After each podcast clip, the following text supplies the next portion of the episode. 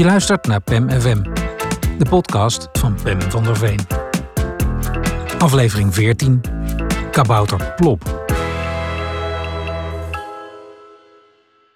De voorstelling is nog maar net begonnen of de juf heeft al tien keer naar hem gesist. Tariq, het jongetje op de stoel voor mij, is voor het eerst van zijn leven in het theater en leeft wat al te luidkeels mee met de toneelgebeurtenissen. Ik ben mee als schoolreisjesmoeder. Ik buig me voorover en leg een hand op de bewegelijke rug van het jongetje. Stark, fluister ik. Niet zo hard praten. Waarom niet? vraagt hij verbaasd. Het is niet de bedoeling dat je er doorheen schreeuwt, leg ik uit. Tariq haalt zijn schouders op. Kabouter plop! roept hij enthousiast.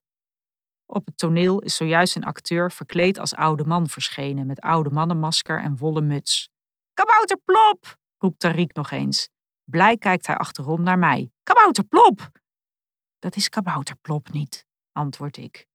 Tariq houdt vol. Ja, kabouter plop, het is kabouter plop. Ik buig me weer naar hem toe. Sst, zeg ik, zachtjes praten. En het is niet kabouter plop, het is gewoon een oude man. Een paar seconden is het rustig op de stoel voor me. Dan verschijnt op het toneel een tweede figuur met muts en oude mannenmasker.